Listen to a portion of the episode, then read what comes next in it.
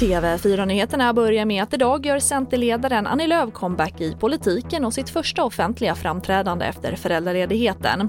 Och höll idag sitt sommartal där hon fokuserade på partiets utmaningar och prioriteringar framåt. För det första så behöver vi stärka Sveriges företag och trycka tillbaka den stigande arbetslösheten. Ge våra företag lönsamheten och växtkraften tillbaka.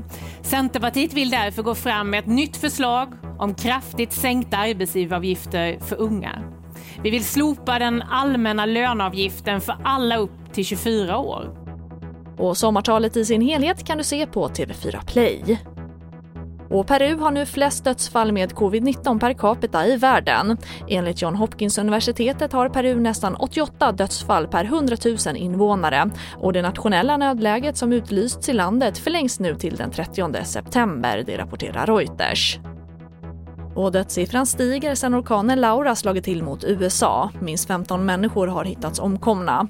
Längs delstaten Louisianas kust är förödelsen stor och igår återvände många till sina hem igen efter att ha uppmanats att evakuera. President Trump väntas besöka regionen idag. Och det var TV4 Nyheterna. Jag heter Charlotte Hemgren.